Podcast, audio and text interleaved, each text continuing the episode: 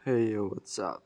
Di sini saya R, mahasiswa dari Universitas Teknologi Yogyakarta. Dan selamat datang di podcast Bangkit dan Suara. Yang tentunya saya akan menceritakan apa saja yang dapat saya ceritakan untuk teman-teman pendengar podcast Bangkit dan Suara. Dan jangan lupa tetap ikuti podcast Bangkit dan Suara karena akan ada cerita yang menarik.